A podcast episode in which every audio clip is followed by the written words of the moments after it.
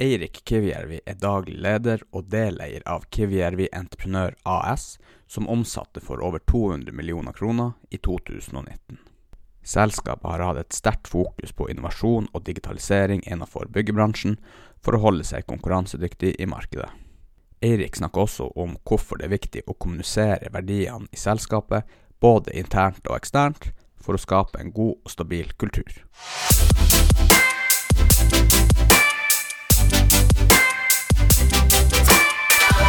Velkommen. Takk, takk. Nå er det noe liv i byggenæringa nå til dags. Ja, byggenæringa har vel bra fart om dagen, så det, det er mye som skjer og mange prosjekter. Så det er bra fart, det er det. Ja. ja. Dere er ikke knekt av koronaen, eller?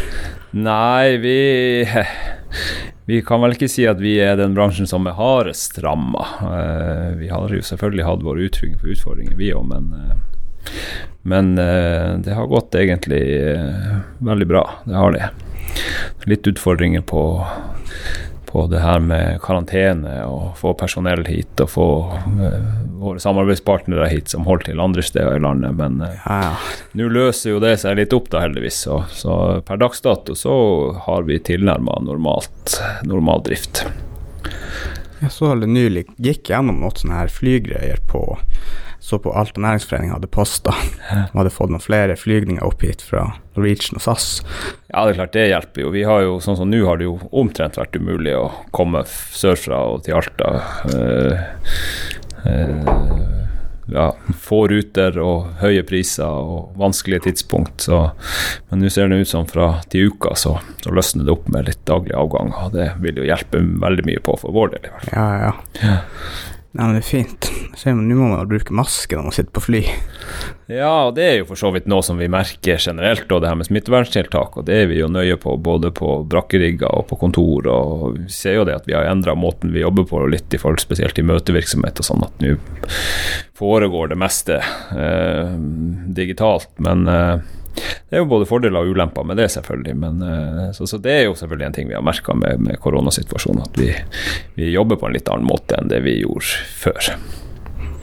Blir det tvangsdigitalisering da, eller ja. dere rutiner på det fra før? Nei, altså Det er jo i hovedsak kanskje møtevirksomheten vi merker det på. altså Digitalisering jo, er jo på en måte en, en, fakkel for oss som vi jobber mye med og har jobba med lenge. og og Sånn sett så var jo ikke det noen sånn kjempeovergang, men eh, vi merker jo det at eh, det er noen utfordringer med, med digitaliseringa òg, som, som, kanskje ikke mange som er så veldig bevisst på. Men, men eh, vi ser i hvert fall på det personlige planen når det blir veldig mye møtevirksomhet digitalt, man treffes ikke så ofte, så mister man mye av de gode relasjonene man får når man møtes personlig. Og det er ikke så lett å, å lese eh, ansiktsuttrykk og lese ja. Kroppsspråk eh, på en PC-skjerm. Så, så, du mister kanskje litt den dynamikken i, i, i eh, gode møter. Selvfølgelig mange møter er ikke så avhengig av den type eh, kommunikasjon, men, mm. men, enkelte møter så er det veldig viktig å, å, kunne lese kroppsspråk og lese dynamikk, og det mister du med den digitale eh, måten å gjøre ting på.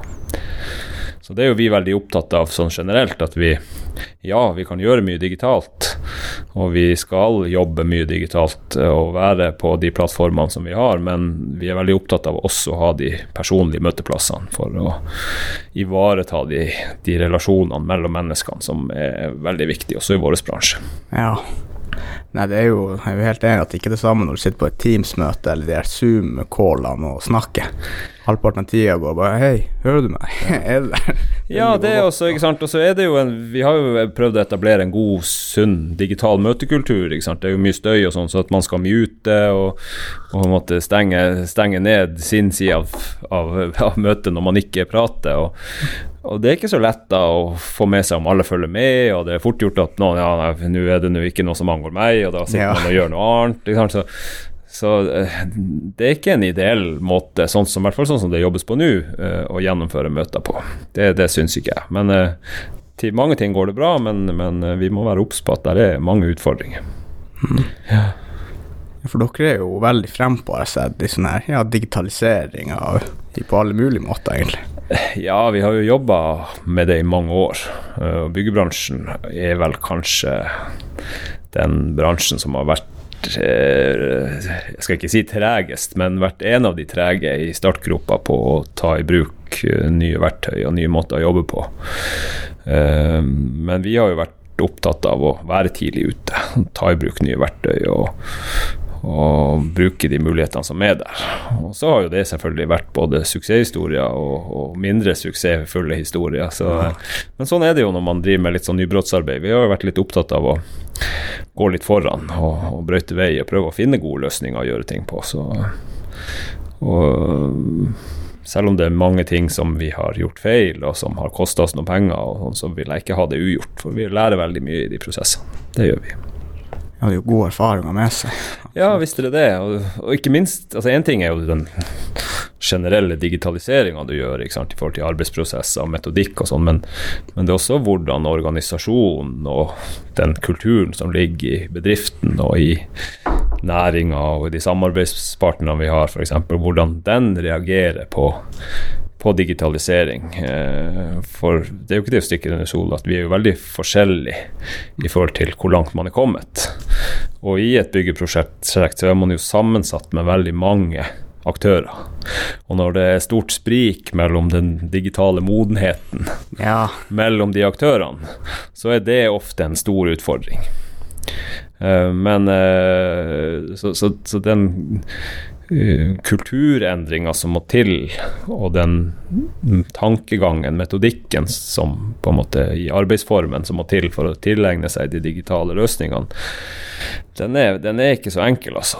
Den, den må fokuseres på, den må, må, jobbes hardt med. Det er ikke bare å innføre en ny programvare eller en ja. uh, app eller eh, modeller eller også si at ja, nå gjør vi det sånn. Altså det det må jobbes med kultur, og det jobbes med holdninger, og det må jobbes med, eh, med generell arbeidsmetodikk. Og det er ikke gjort over natta. Nei. Jeg har hørt, at det, eller hørt litt på podkast, og da sier de jo digitalisering av bedrift er mye verre enn du forventer det når du starter. Eller det er en lengre prosess enn forventa for de fleste. Ja, og det er nok, det er nok riktig at man eh, har kanskje et inntrykk av at det her bør gå kjapt, og det her er relativt enkelt, og det er bare å lære seg en, et programvare og gå på noen kurs, og så er vi der. Men det er jo langt fra sannheten. Mm. Det er den kulturendringa og metodikkendringa som, som tar tid. Og det er jo noe som jeg har vært viktig for, for, for oss i vårt arbeid med digitalisering. Det at vi eh, vi må endre metodikken. sånn at altså, Vi skal ikke gjøre oss avhengig av f.eks. en programvareleverandør. Vi skal ikke lære oss det programmet, og så er det det programmet som definerer hvordan vi jobber. Mm. Men vi har vært opptatt av at vi må tenke hvordan ønsker vi å jobbe digitalt? Hvilke muligheter finnes det i denne verden? Hva, hva kan vi få til? Og så må vi endre måten vi tenker på om ting, endre måten vi planlegger ting, endre måten vi strukturerer ting på. Og så bruker vi de programvarene som til enhver tid best klarer å serve den måten vi ønsker å jobbe på. Mm. Så, vi, så, mange er veldig opptatt av leverandører og hva kan dere tilby oss, og eh, hvordan funker deres programmer. Men vi har en litt annen tankegang på det. Vi, vi, fokuserer på hvordan skal vi jobbe, hvem klarer å tilby oss det produktet som kan hjelpe oss best mulig i vår hverdag. Ja. Det tror jeg, jeg tror det er viktig.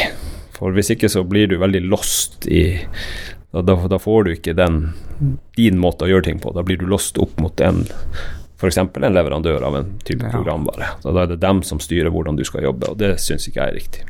Nei. Bruker dere SmartDoc? Ja da, vi bruker SmartDoc, og vi har jo vært med og brukt SmartDoc egentlig siden den spede begynnelse til SmartDoc. Ah, ja. Eh, på forskjellige områder. Eh, begynte jo selvfølgelig med det her med timeregistrering, og så har jo SmartDoc utvikla seg eh, voldsomt på mange områder. Og vi har jo stort sett tenkt med på de fleste, de fleste produktutviklingene og nyvinningene som de har hatt. Det har. Ja. Så det er sånn, kommer dere med innspill til hva dere har bruk for da i en sånn applikasjon? Ja, det har jo kanskje vært, eh, eller det tror jeg vel kanskje er en av grunnene til at SmartDoc har klart å komme så langt som de har gjort på relativt kort tid, det er at de har vært veldig brukerorientert i, i måten å utvikle programvaren sin på. og brukt eh, De starta jo med å få det ut til lokale bedrifter, og starta smått her i Alta, og Ja. brukte de lokale bedrift, bedriftene aktivt i forhold til utvikling og, og funksjonalitet, og hva trenger vi inn, hva skal vi ikke ha, hva gjør vi bra, hva gjør vi dårlig. og og jeg tror vel også Smartox ser at det lokale næringslivet her i Alta, spesielt bygg- og anleggsbransjen, har vært med på å få, få dem dit de er i dag, med å bidra til utvikling og bidra til hva er det som funker og hva er det som ikke funker. Så, Ja. så det er jo litt artig å se den reisen som Smartdoc uh, gjør. Uh, Ja, de har jo kommet fryktelig langt, og, og jeg syns de har gjort en fantastisk uh, jobb. Så eh, det blir spennende å se fremover. Nå er det jo en sånn minefelt av en bransje, IT-bransjen. Ting utvikler seg jo fryktelig fort. ja, det er jo sant. Så, så det å henge med i timen der og klare å å ikke, altså ikke hvile på laurbærene, men fortsette å ha den eh, bratte kurven på utviklinga, det tror jeg er alfa og omega. Så jeg er veldig spent å se hvordan det går fremover. Og håper at de klarer å holde den samme takten som de har hatt hittil. Ja, må bare fortsette å innovere og Ja, på ja. nye plattformer. Det, det tror jeg Skal du overleve i den, den, den bransjen der, så er du nødt til å ha nyvinning hele veien. Mm. Ja. Men er ikke det voldsomme kostnadsbesparelser å drive og digitalisere? Ja, det Men det henger jo også igjen med at igjen i, altså Det henger i hop med at du, du må faktisk endre metodikk. Hvis du bare digitaliserer og fortsatt Ja. tenker og jobber på den samme måten som du gjorde før, så er det ikke så mye å hente. Men du er nødt til å endre måten du tenker på, endre måten du jobber på, mm, ved at du får nye verktøy. Da klarer du å hente de gevinstene. Så, så, så det ligger ikke bare i digitalisering, men det ligger også altså Digitaliseringa gir muligheter for å jobbe på andre måter, og det er der på en måte nøkkelen ligger. Ja, du nødt ikke bare å sette strøm i papiret. Nei, det, da er du like langt. Ja, Ja. ja for du, du er, var det i 1989 Ulf Kilvjær starta? Ja, det, historikken til Kivijärvi i entreprenørbransjen går jo enda lenger tilbake. Ja. Min bestefar, Karl Kivijärvi, som eh, ja, tidligere ordfører i Alta, blant annet. Ah, ja. Eh, han hadde jo et entreprenørfirma som starta på 50-tallet, og har jo drevet stort. Var jo Finnmarks største entreprenør i lang tid, og ja, var vel 200, og godt over 200 ansatte på det meste. Ehm, og det firmaet ble jo solgt da til trønderske AS Anlegg på midten av 80-tallet.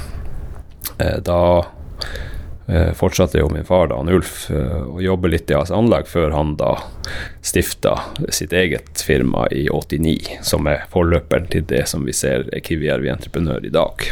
Mm. Så det er liksom litt av historikken, da. Ja.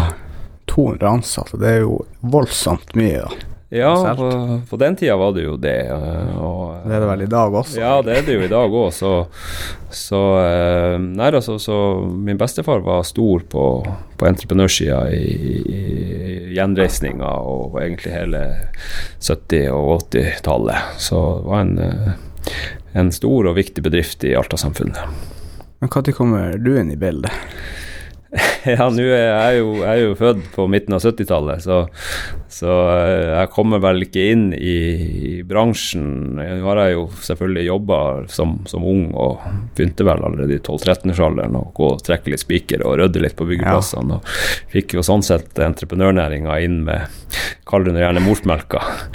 Eh, så så eh, har jeg jo jobba da som anleggsarbeider og vært ute på byggeplass. eh, og så valgte man jo da å gå videre på skole og ta både økonomi og ingeniørutdanning. og og I tillegg til det da så jobba jeg jo noen år ute av fylket. og Var i Oslo Ja. og jobba i tre-fire år for å bygge litt uh, erfaring. og Det er alltid sunt å ha sett andre i- miljøer. Anleggsbransjen, da. Nei, da jobba jeg faktisk på byggherresida. Jeg jobba i et uh, firma som heter Åse byggadministrasjon, som var, ja, drev med prosjekt og byggeledelse og prosjektutvikling og sånne ting. Og det var en veldig nyttig tid å være der, og lærte mye der.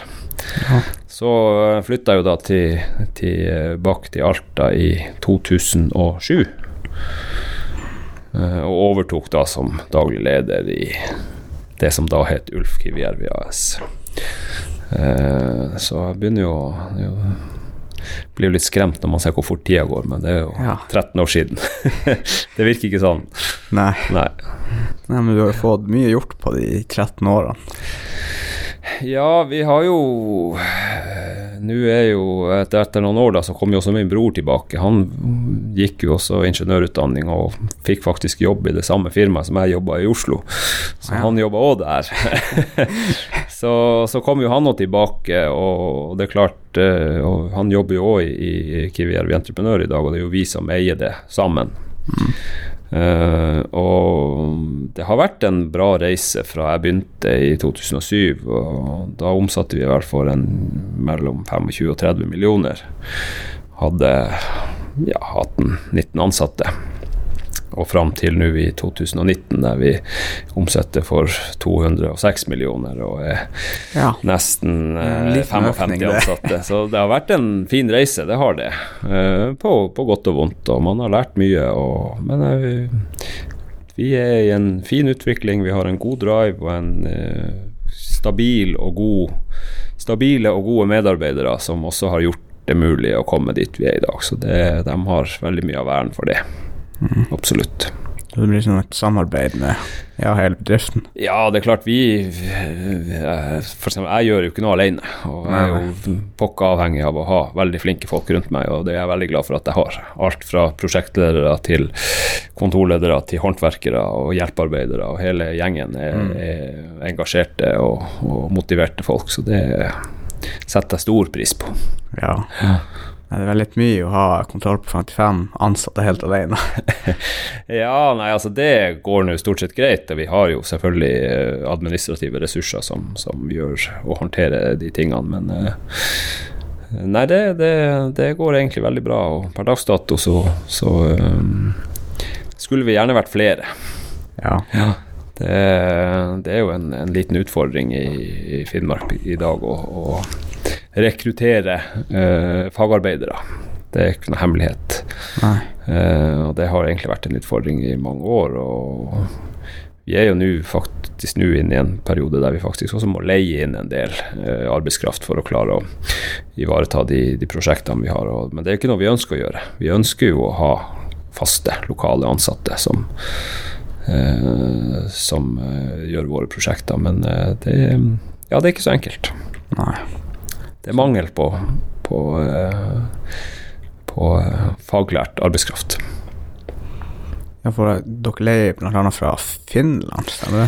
Ja, nei, Vi har jo noen faste ansatte som uh, bor i Finland, som har jobba hos oss i Ja. 10-15 år. De er jo på en måte ansatt på lik linje med dem som bor her i Alta. Og, og det er jo veldig solide gutter som har vært med oss i lang tid. og, og og ukependler, eller ukependler ikke, de jobber en sånn, ja, kaller det en sånn 12-9-ordning, der de er et par uker på jobb, og så har de en uke fri hjemme og litt turnus. Og, eh, så, så de er på en måte fast ansatt, men med innleide så har vi jo leid en del fra bemanningsbyrå, da. Så vi har jo noen bemanningsbyrå her i Alta som vi benytter som, til å hjelpe oss med, med arbeidskraft når det trengs. Ja, bruker dere personell, da? Ja, det er flere. Vi har jo både workshop og jobzone og personell og Adecco. og Det er litt avhengig av eh, hvem som har eh, ressurser disponibel til, Ja. til eh, den tida vi trenger det. Så. Så da er det hovedsakelig da under store byggeprosjekter da det blir leid inn? Ja, det er jo produksjonsmedarbeidere da, i enten tømrere eller betongarbeidere, eller ja, det vi har behov for. Så. Så, men da er dere egentlig ute etter tømrere? som Ja, vi er hele tida, hele tida ute etter fagfolk. Det er Selv om ikke vi til enhver tid har stillingsannonser ute, så er, så er flinke folk eh, bestandig velkommen hos oss. Og det, det er noe som vi bestandig har, eh, er på søken etter. Ja. Det er jo bra å vite. Da er det sikkert mange som plutselig tar kontakt. Ja, ja, nei, det, det må man bare komme. Det Sende, sende også en åpen søknad, og det, vi er som sagt flinke folk. Det er vi bestandig ute etter. Jeg ser jo dere har en ganske bra nettside. Dere har mye informasjon på nettsida om etikk og forretningsideer, og dere virker som dere har gjort en god jobb med den, i hvert fall. Synes jeg. Ja, vi hadde jo i forbindelse med at vi feira 30-årsjubileum i fjor, eh, så valgte vi å gjøre en endring eh, både av firmanavn Vi bytta jo fra Ulf Kivijärvi AS til Kivijärvi Entreprenør. Mm. Litt for å um, speile det at uh, ja, som han Ulf som starta det, som om ikke lenger nå er hovedeier og ikke så involvert lenger, eh, at han har trukket seg litt tilbake. Men samtidig så ønsker vi å få en løft på profilen, og samtidig også fremme verdiene våre. Som vi egentlig har jobba etter i alle år, men har vært litt for dårlig å kommunisere, føler vi. Så det var viktig for oss å få løfta frem eh, våre verdier og vårt syn på, på eh, hvordan vi, vi skal være. Og Derfor ble det gjort en, en, eh, bra jobb med både omprofileringer, men også definisjoner og, og kommunikasjon rundt verdisettet vårt. Ja. Så vi har jo da tre eh, Vi har klart å koke det ned til tre ord ja. som vi mener skal definere oss. Og det er jo at vi skal være engasjert, nytenkende og stolt. Det er på en måte våre tre hovedverdier, og det eh, altså Kjernen i f.eks. det ordet som er engasjert, er at vi skal bry oss om hverandre. Vi er engasjert i det arbeidet vi gjør. Vi bryr oss om lokalmiljøet og lokalsamfunnet. Eh, vi skal være aktiv eh, bidragsyter på ja, sånn som vi er sponsor til Alta IF barn og unge. Vi støtter, vi skal, vi skal bygge opp samfunnet rundt oss. Uh, så det med engasjert, det går uh, vel så mye på hvordan vi som personer opptrer internt i bedriften, og hvordan vi skal opptre i, i interaksjon med andre byggherrer og sånn, men det går også like mye på hvordan vi som firma skal være i vårt lokalsamfunn. Ja. Vi skal være en engasjert bedrift som skal bidra i lokalsamfunnet.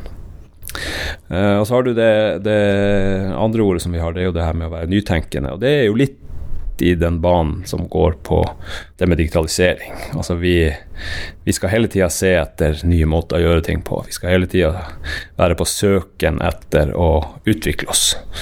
Så, så det skal ligge i i kjernen av alle sammen at vi skal tenke nytt. Det er rom for å, for å komme med ideer. Det skal være rom for å finne på nye ting, nye løsninger. Uh, og det kan være digitalisering, det kan være nye måter å produsere ting på, det kan være uh, nytt type håndverktøy ute blant guttene som uh, letter jobben. Altså, det, det, skal, det er veldig stor takhøyde for å drive med ja, Kall det for innovasjon, da. Ja, ja. Det blir jo eh, hos det, oss. egentlig. Ja. Så det er når vi oppfordrer alle til, til å være aktive i den eh, biten og, og, tenke nytt på hvordan kan vi jobbe smartere, mer effektivt, eh, tryggere, eh, for å klare å gjennomføre de oppgavene vi har. Så, så, det er jo en viktig sak. Og så har vi jo det her med stolthet, og det er jo Eh, kanskje en Jeg skal ikke si altså, alle de tre verdiene er, er viktige, men stolthet er i hvert fall noe som jeg har sett veldig høyt. Og det at alle som er oss, skal føle en stolthet hver dag når du går på jobb. Du skal være stolt av å bære uh, arbeidsjakka med logoen på. Du skal uh, være stolt og kunne omtale bedriften du jobber i med stolthet. Og det gir jo også noen uh, altså Det setter noen krav til oss også. Altså at vi skal kunne se tilbake på alt vi gjør og være stolt av det om det er et arbeidsstykke vi har gjort, eller om det er en uh, presentasjon vi har hatt, eller om det er en, et møte med en byggherre. Vi skal bestandig gå fra det med en følelse av stolthet. At ok, her gjorde jeg det beste jeg kunne. Jeg, jeg føler stolthet over det jeg har levert. Det, ja. Så det, det, er liksom kjernen i det vi holder på med. Og det drar vi med oss inn i alle situasjoner. De, de tre kjerneverdiene. Ja. ja hvor mye Så da er det bare sånn at eh, ansatte f.eks. rapporterer til dere hvis de har en ny løsning på en ting, eller hvor mye bruker du sjøl eh, en viss antall tid på å lete etter eh, nye løsninger, f.eks.? Setter du av 20% av dagen eller uka til å innovere? Da? Ja, jeg skulle sånn- gjerne sagt ja til det, men, ja. men så enkelt er det jo dessverre ikke. Det, men det blir jo litt sånn at det ligger med oss hele tida. Så det er på en måte en, en uh, automatisk reaksjon hos alle når vi går inn i en oppgave eller går inn i en situasjon at ja, hvordan kan, kan jeg gjøre det her bedre enn jeg gjorde forrige gang? Fins det noen muligheter å gjøre det på en annen måte? Kan jeg bruke et annet type verktøy? Hvordan kan jeg forenkle det? Hvordan kan jeg sikre at jeg får et bedre resultat? Hvordan kan jeg jobbe sikrere med det her? Altså, vi har jo en HMS er jo noe som står veldig viktig hos oss. Uh, og vi jobber, altså Byggebransjen er jo en risikobransje. Vi jobber jo hver dag med kalkulert risiko. Og det å, å tenke på også hvordan jobber vi sikrere, men samtidig får jobben gjort på en eh, rask og effektiv måte. Så, så, det mange, så, så, det med de verdiene, de på en måte skal henge med oss. og Det er ikke sånn at vi jeg tenker at ja, nå i dag skal jeg sette av to timer til å jobbe med nytenking. Ja. vi er ikke der, men ja. er at det er noe som henger med oss hele veien, og det er noe som vi tar inn i egentlig alle timene i døgnet vi jobber. Eh, så skal det følge oss. Ja, det er litt sånn underforliggende i alle ja. valgene dere tar. Ja, det skal være du, Egentlig når du tar en beslutning, så skal du det siste du gjør, det er å ta en sånn avsjekk med de tre verdiene. Ja. Er det her i tråd med de verdiene vi har? Og hvis du bommer på noen av dem, så må man kanskje tenke seg om en gang til på den beslutninga man hadde tenkt å ta. Så det kan være en litt sånn sjekkliste. Mm. Ja. Men det er jo fint å ha noe å gå etter. Ja, og så er det jo også det med at det faktisk er uttalt. Eh, for, for i mitt hode så har jo det vært våre verdier bestandig, men vi har vært altfor dårlige til å kommunisere det. Mm. Og det er jo Jeg mener jo at de verdiene er jo innarbeida i vår kultur. Uh, men klart, vi får jo nye, nye medarbeidere ofte. Og, og, det er klart det å være tydelig på det tror jeg er, viktig egentlig for alle bedrifter og i alle bransjer. Være god på å kommunisere verdiene sine. Det tror jeg gir, uh, gjør det enklere å bygge kultur i bedriften. Ja. Hvor høyt prioriterer du kultur i forhold til annet i bedriften? Nei, kultur er jo på en måte eh, ryggmargen i en bedrift. Uh, og hvis altså, Det er jo det på en måte som legger premissene på hvordan egentlig alt skjer. Holdningene til folk. Uh, det er jo noe som heter at ja, sånn her har vi alltid gjort det hos oss. Det er jo en kultur, ikke sant. For da har du innarbeida deg en kultur. Og det å endre kultur, det er en omfattende sak. Så hvis du først har innarbeida deg altså Ofte så innarbeider vi oss noen dårlige uvaner, eller ja. noen måter som ikke er så bra å gjøre ting på. Og det å snu sånne uh, saker og, og, gjøre kulturendringer, det er krevende. Uh, så, så, så, det å jobbe med kultur uh, er, er, viktig, og, men det er langsiktig arbeid. Det er noe du må ta litt etter litt, og, og i hvert fall hvis du er inne i en situasjon der du er nødt til å endre en kultur, så er det veldig krevende. Så det er lurt å gjøre det gjøre god arbeid helt fra starten av, egentlig. Ja, det, det, må være gjennomtenkt, og det må være en tanke bak. Og, og, og jeg tenker jo da at har du et godt verdisett som et utgangspunkt, så er det veldig lett å kommunisere det hvis du skal gjøre en kulturendring. Så, så kan du kommunisere det og henge det på de knaggene som er verdiene. Vi, følger vi nå de verdiene våre, eller må vi tenke oss om en gang til uh, i forhold til hvordan vi gjør ting. Så gode verdisett og godt uttalte definisjoner på det er, er et godt verktøy for å jobbe med kultur. Ja, for det blir jo ja, trygghet for ansatte, rett og slett. Ja, det er det, og, og man skal kjenne igjen eh, Altså, når jeg gjør ting, så skal det gjenspeiles i de verdiene vi har. Når eh, vår kontorleder gjør ting, så skal hennes eh, måte å gjøre ting på gjenspeiles i verdiene, sammen med lærlingen ute på byggeplassen, eller eh, han som er ansvarlig for logistikken hos oss. Altså alt skal gjenspeiles i de verdiene. Ja. Og hvis alle klarer å få inn det tankesettet, da har du begynt på en god kulturendring. Så da hvis man blir en ny ansatt hos deg, da får du dem oppgave om å lese nettsida, f.eks.? Ja, altså eh, eh, vi har jo både personalhåndbok og forskjellige ting som, der alt det her er klart eh, ja. definert. Så det første en ansatt gjør som kommer oss, får jo tilgang og blir tildelt personalhåndboka og blir satt inn i det her og får en innføring i både nettside og og personalhåndbok og hele egentlig måten vi, vi gjør ting på. Så det ligger langt fram, eh, og er egentlig den første en nyansatt hos oss møter, det er de tingene. Ja. Hvem er vi? Hvordan gjør vi ting her, og hva er det vi står for? Så Det er på en måte det første du får før du går ut og ja. begynner å produsere. Ja. Ja, men det er jo midt i blinken. Det er jo kanskje Det må man vel ha, egentlig, når man er en så stor bedrift.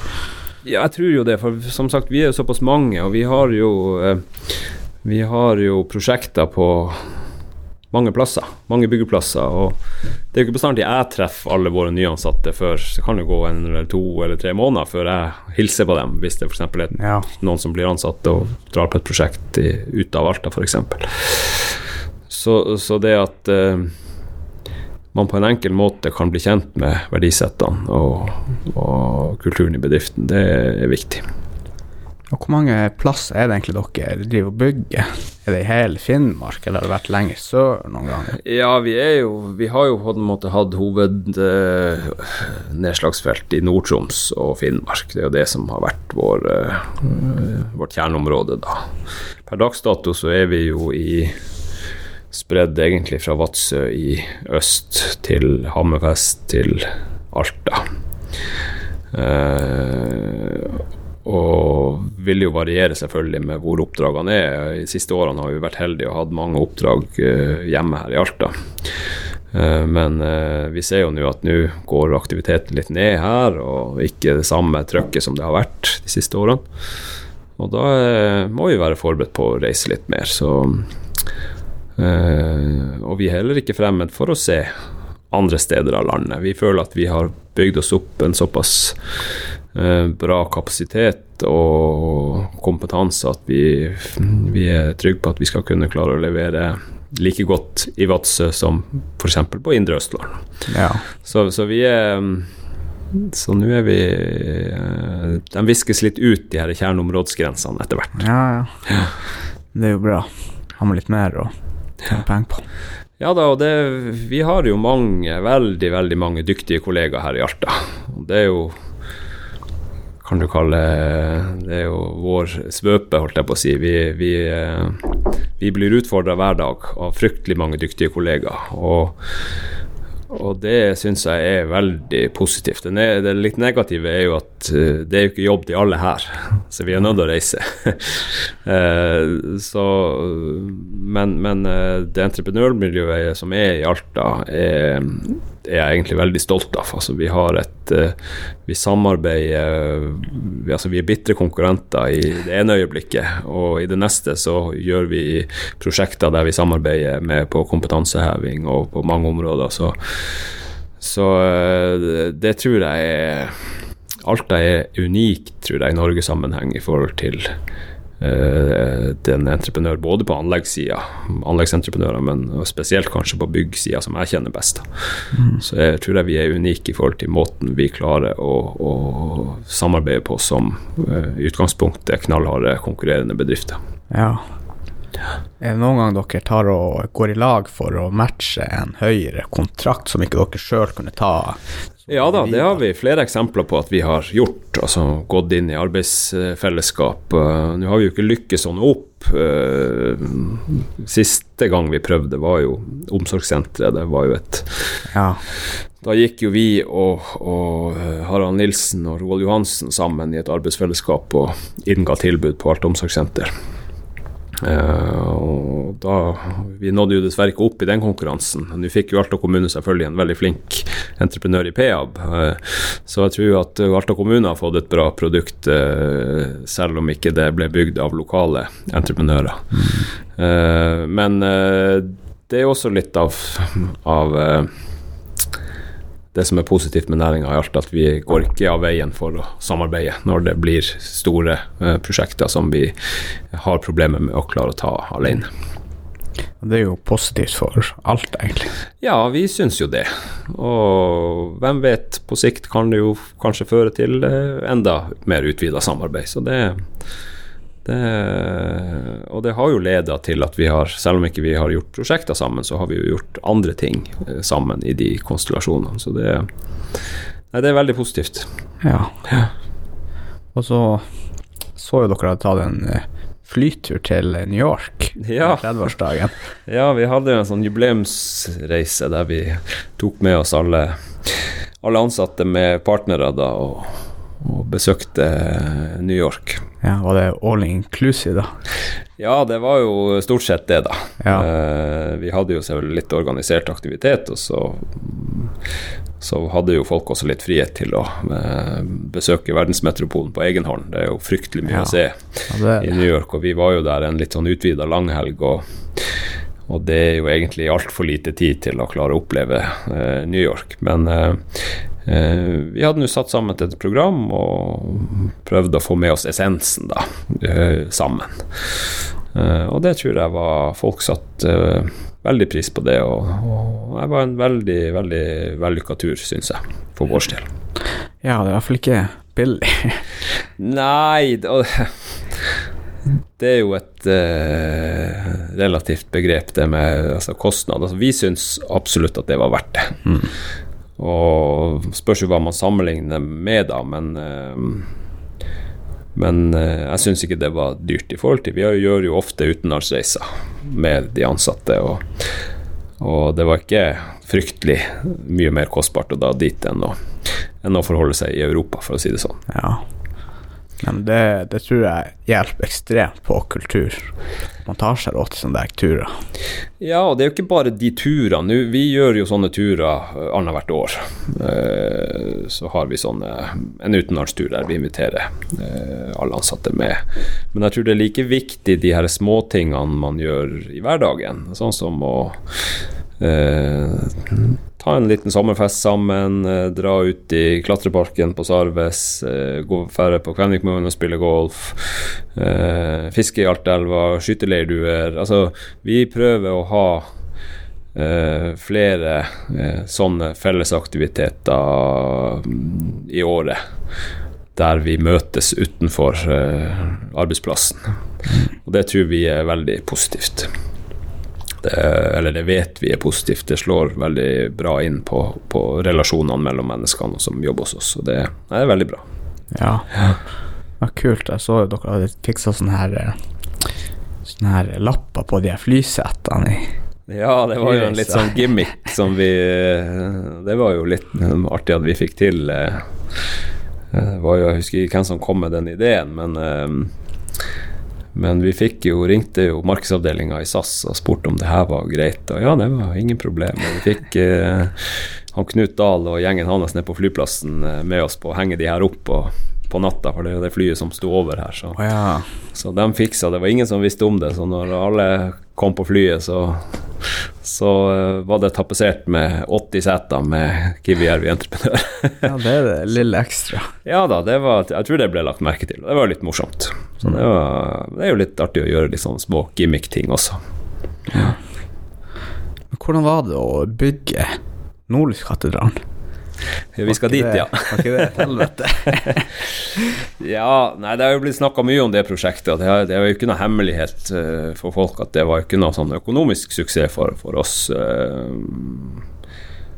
men vi sto nå av den òg, den biten. Men uh, vi lærte jo veldig mye av Nordskattedalen, og vi er jo veldig stolt av det bygget som står der. Så og det som å ha det bygget på CV-en og kunne slås på brystet og si at det, vi har levert det, det virkelige signalbygget i Alta, for det er jo det det er blitt. og Det, Ja, ja. det tror jeg det kommer til å være for all fremtid. Å kunne si at uh, det er det vi som har oppført, og med den kvaliteten som det er på det, og så fornøyd som folk er med det, så, så er det uh, det, ja, nei, det er et veldig uh, Det står høyt på vår CV. Det gjør det. Selv om vi ser at eh, det koster mye. Ja. så jeg skal ikke si at det var verdt det, men, eh, men eh, ja. Det, det er blitt et veldig bra bygg for Alta, og vi er kjempestolte av å kunne vært med på å bygge det. Absolutt. Ja, For det er jo et veldig teknisk utfordrende bygg. Ja, det er jo veldig utradisjonelt. Det ble jo tatt i bruk en del utradisjonelle byggemetoder, og som sagt, det er jo en kurve Det er jo ikke en rett vinkel omtrent på hele bygget. Nei. eh, som har en sånn konisk form der du både har en bue som også haller innover, så det er klart der er noen det er virkelig et prosjekt der du må tenke nytenkende Ja. for å klare å bygge det. Eh, Men jeg tror faktisk at hvis vi skulle bygd det i dag, med den teknologien vi benytter i dag, med eh, modellverktøyene som vi har, og så ville nok, tror jeg også økonomien kunne vært annerledes. For det var noe, vi fikk oss nok en del overraskelser underveis som vi ikke klarte helt å forutse, spesielt kanskje i i forbindelse med kalkylefasen og oppstarten på det prosjektet, så, så har vi nok tenkt litt for enkelt. Men hadde vi hatt de verktøyene som vi, vi sitter på i dag, så uh, tror jeg nok at historien kunne vært litt annerledes. Ja. Så det sier jo litt om hvor viktig digitaliseringa er for byggebransjen for å få enda bedre kontroll på prosjekter, på eh, metodikk, på, på hva faktisk vi skal bygge. Så det, så det Den kom noen år for tidlig. Ja. ja, det er jo en bra erfaring å ha med seg. Absolutt. absolutt. Ja. Jeg ser jo dere eh, Dere har eh, noen sånne her BIM-kiosker stående på Dere hadde vel det på det Finnmarkshallen-prosjektet, den utvidelsen? Utvidelsen, ja. Hvordan fungerer det? Nei, Det er jo en ledd i den digitaliseringa som vi gjør av, av vår bedrift. og Det snakkes jo mye om på en måte den papirløse byggeplassen. Så at vi skal bort fra papirtegninger og ha alt digitalt. Og den BIM-kiosken er jo et ledd i det. Så det er jo egentlig en, en PC med en touchskjerm, stor touchskjerm og programvare som står ute på byggeplassen, der alle har tilgang til å kunne gå og se på både modell og tegninger og, og ja, kunne eh, ha god kommunikasjon eh, omkring det. Og BIM-kiosken er kanskje i hovedsaken Kall det en møteplass hvis man skal diskutere noe eh, tverrfaglig, f.eks. Så kan flere samles rundt en stor skjerm og diskutere det. Mens eh, håndverkerne har jo akkurat tilgang til akkurat det samme på mobiltelefonen. Ja. eller på iPaden. Så man trenger egentlig ikke den BIM-kiosken, men det er en, et veldig bra verktøy i samhandling og, og diskusjon og, og ja, ha det ute på plassen i litt større format. Men vi har, guttene har akkurat det samme verktøyet på mobiltelefonen. ja. Så de samme mulighetene til å gjøre ting. Og det er jo, det er jo kanskje det største fremskrittet digitalt som på en måte guttene merker ute. Det at tegningene er flytta fra en rull som sto inn på brakka, som du aldri Ja. visste om du bygde etter den rette revisjonen på tegningene. Men nå har de alt her, og de vet at, uh, vet at hele tida så ligger det den riktige tegninga ute. ja, den oppdaterte versjonen. Så har du også samtidig tegninger til elektriker eller rørlegger eller hvem det måtte være, så du kan dobbeltsjekke om da, bruker, altså. da bruker også elektrikerne den tegningen. Ja. Så går de. De har ikke nok, noen tegninger på selve byggeplassen. I utgangspunktet nei. Nei. Så er det jo noen selvfølgelig som velger det, og det Ja. Vi har ikke klart å bli 100 papirløse ennå. Noen velger jo å ta et utskrift av en stor planlegging for å henge på veggen for å ha litt sånn oversikt og kunne se. Eh, Og det kan jo være selvfølgelig være nyttig i, i mange tilfeller å kunne kunne orientere seg kjapt på et papir som henger på veggen, men i, i produksjon og alt sånt, så, så bruker vi det digitalt. Det gjør vi. Sammen med kvalitetssikring og, og sjekklister og alt sånt. Det gjøres digitalt i dag. Jeg husker jeg jobba jo som elektriker der på Berlevåg skole når de eh, reiste det. Og da var det jo ja, da var det jo papirtegninger, og da var det jo ny tegning hver tur man får ut dit nesten oppdaterte spesifikasjoner. Ja, Så det ble jo lett til slutt. Ja og Utfordringa da er jo hvordan er du 100% sikker på til enhver tid at du jobber på den siste revisjonen? Ja, ja. For det er jo ikke mer enn at det er en, ja, en som er borte med sykt barn i to dager, som har ansvaret for å dis distribuere tegningene, og så er det kommet en tegning fra en rådgiver, og så går det to dager før du får den, og så da har Ja. du jo gjort nådd å gjøre masse på den gamle tegninga. så det er noen sånne, sånne utfordringer som man eh, løser veldig greit med å ha det digitalt.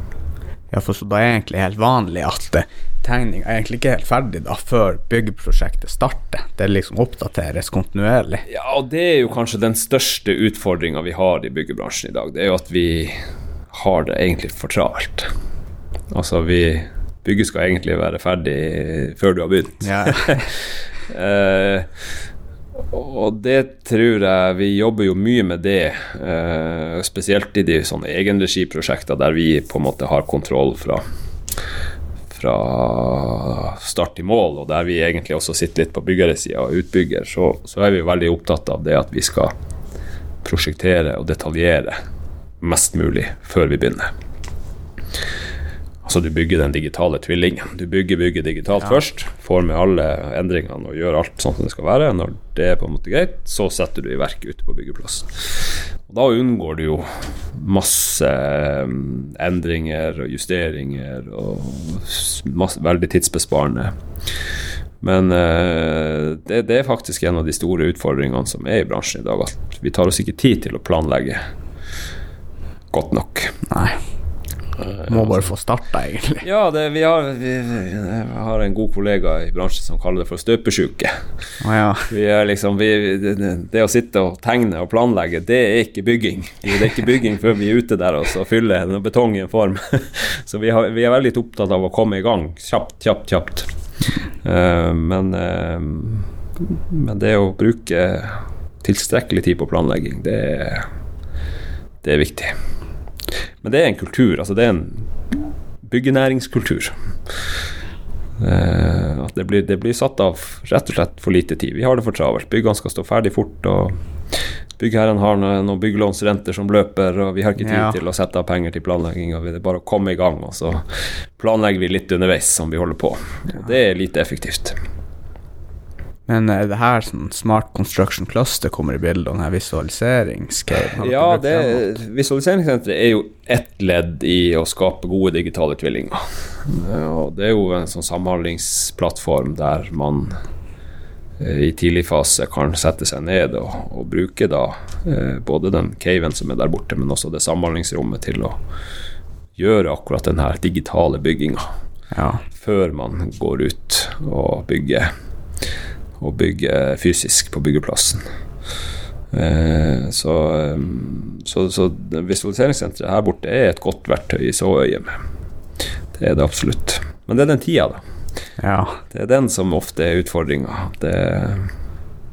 Men det, det jobber vi med hver dag, og vi, vi jobber i den fasen vi holder på med prosjektering, så jobber vi veldig hardt for å sikre at vi får med oss alle detaljene, at vi gjør alle konflikter, kon altså kollisjonskontroller, sikre at vi, når vi har et underlag som vi skal begynne å bygge etter, så er det riktigst mulig.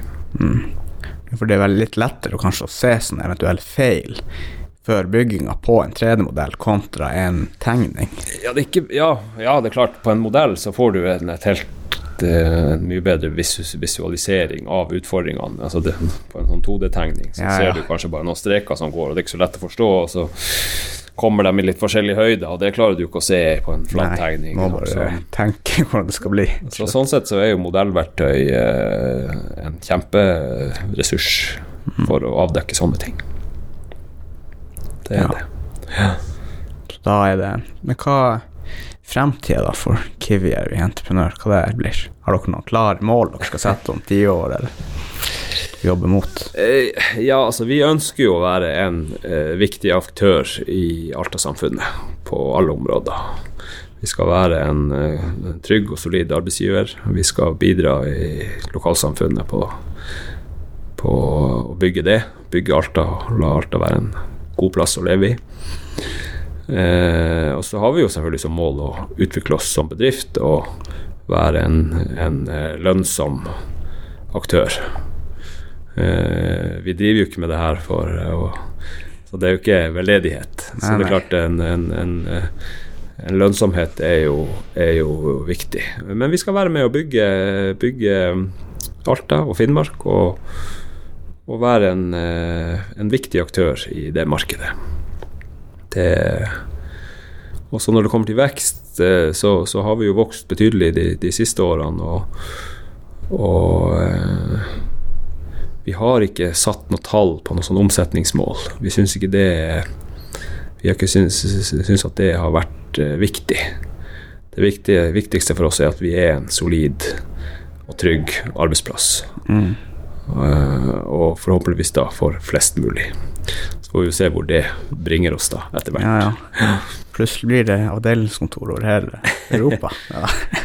Ja, nei da, det er jo eh, Ja, vi har i hvert fall som mål at vi skal eh, Jeg nevnte jo det tidligere, at vi, vi prøver å viske ut i, litt i linjene med markedsområdet. Mm. eh, og, og prøve oss litt i andre markeder. Så, eh, så det kan bli en interessant reise. Absolutt. Har ikke du vært i styr i Neso? Ja, det har Du jeg. gjør Så, kanskje ikke det nå? jeg har sittet eh, fire år i, som styremedlem i, i NESO. NESO er jo da nordnorske entreprenørers serviceorganisasjon, eller eh, bransjeorganisasjon for entreprenørene i Nord-Norge. Ja. Eh, og en, eh, en viktig aktør for bransjen i nord, vil jeg påstå. Eh, spesielt når det kommer til eh, eh, utdanningssida, har Neso vært eh, foregangsfigur. Eh, det begynte jo kanskje med den lærlingeskolen, som er et samarbeid mellom Øst-Lofoten videregående skole og Neso, der man egentlig lagde en ny modell for utdanning av fagarbeidere til eh, byggebransjen. Og det har jo fått stor oppmerksomhet i hele Norge, egentlig, og har vært en suksesshistorie fra, fra dag én. Og lærlingeskolen har nok vært viktig for å bygge og sikre at vi har nok fagarbeidere og flinke fagarbeidere i, i Nord-Norge. Blir det en type sånn alternativ eh, tømrerutdanning? Ja, det er jo et eh, Altså, du oppnår jo på en måte det samme. Du får jo et fagbrev, og du får en, en studiekompetanse som du også får i det videregående løpet, men de er bygd opp litt forskjellig. Sånn at i, i eh, Neso sin lærlingeskole så starter du egentlig å jobbe fra dag én. Og så er det samlingsbasert teoriundervisning. Så alle lærlingene er da å jobbe i bedriftene som vanlige lærlinger fra, fra egentlig første dag som lærling. Og så reiser de på teorisamlinger til Svolvær eh, fire ganger, ja, fire eller fem ganger i året. Så er de der i, i to til tre uker og får eh, den teoriballasten de trenger. Og utenom det så er de faktisk ute i bedriften og jobber. Ja, da tjener penger Og, og tjener penger og bygger erfaring. Eh, og det er jo i motsetning til det, det offentlige løpet der man sitter først eh, to år på skolebenken og får teorien, og så skal man ut i bedrift og ha to læreår.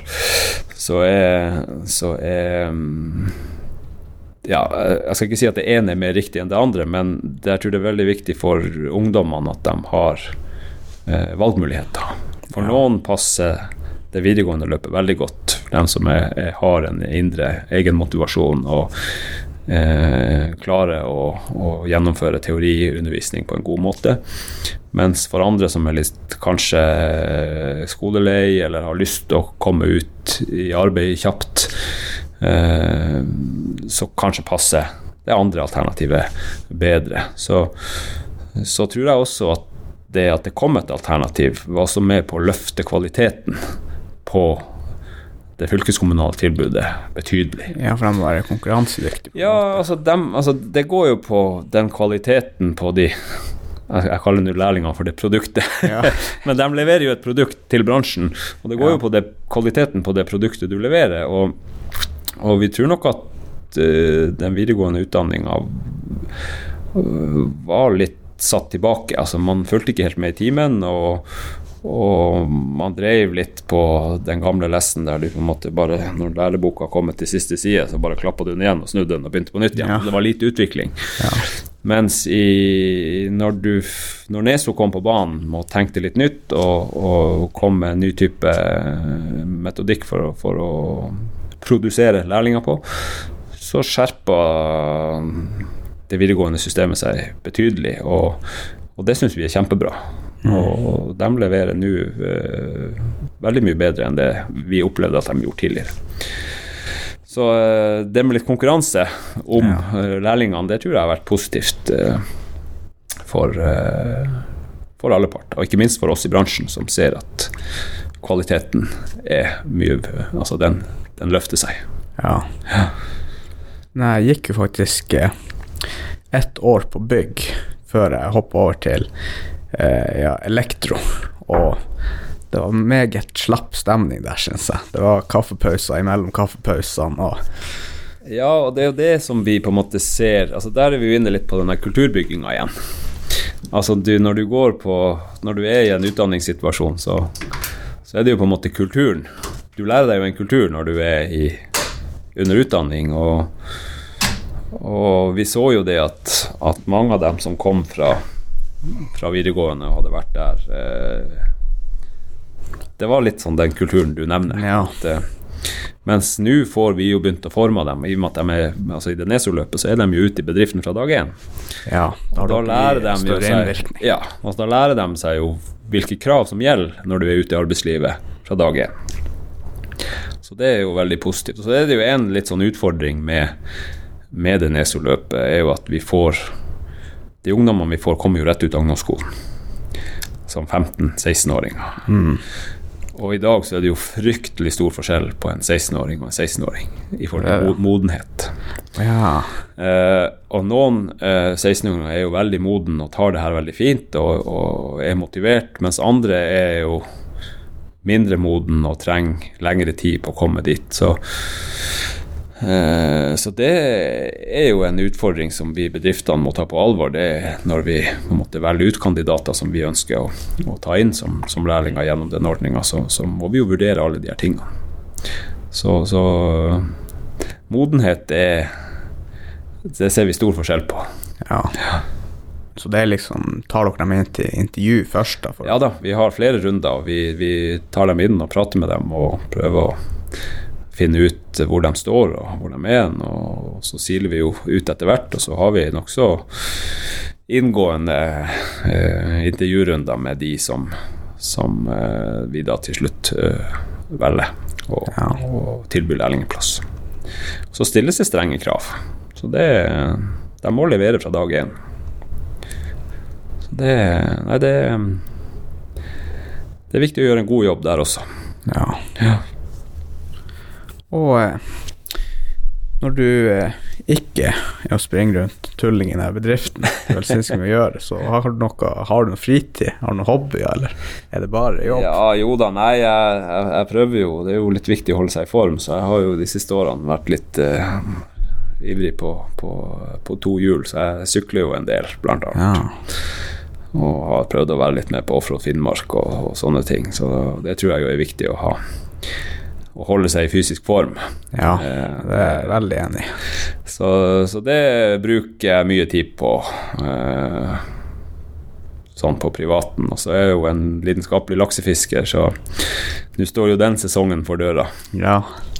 Så, så, så om sommeren så går det også en del tid i elva på, på fisking. Og Så blir du ikke sett på kontoret på en måned. jo da, det, jeg slipper nok ikke unna det. Så, men, eh, og så er det jo selvfølgelig familien som uh, bruker mye tid. Jeg har jo en fantastisk kone og to små barn som, som krever sitt. Og, så familien er jo òg uh, veldig viktig. Så det er jo viktig å finne en balansegang her mellom, mellom jobb og, og privatliv. Og det føler jeg at jeg har eh, fått bra kontroll på. Ja. Har du fått noe laks, da? Ja, jeg- det var ikke sesongen begynt i år, da, men eh, det har jo vært noen på samvittigheten opp gjennom årene. Så det, Ja. så det Jo da, det har blitt noen. Det har det. Det er perfekt. Ja. Og men har du noe Hvis du kunne gi deg et tips som 20-åring til deg sjøl, gi et tips til deg sjøl som 20-åring, hva det hadde vært? Ja, si det. Eh, jeg tror jo at som 20-åring så var jeg vel som alle andre veldig utålmodig på å få ting til.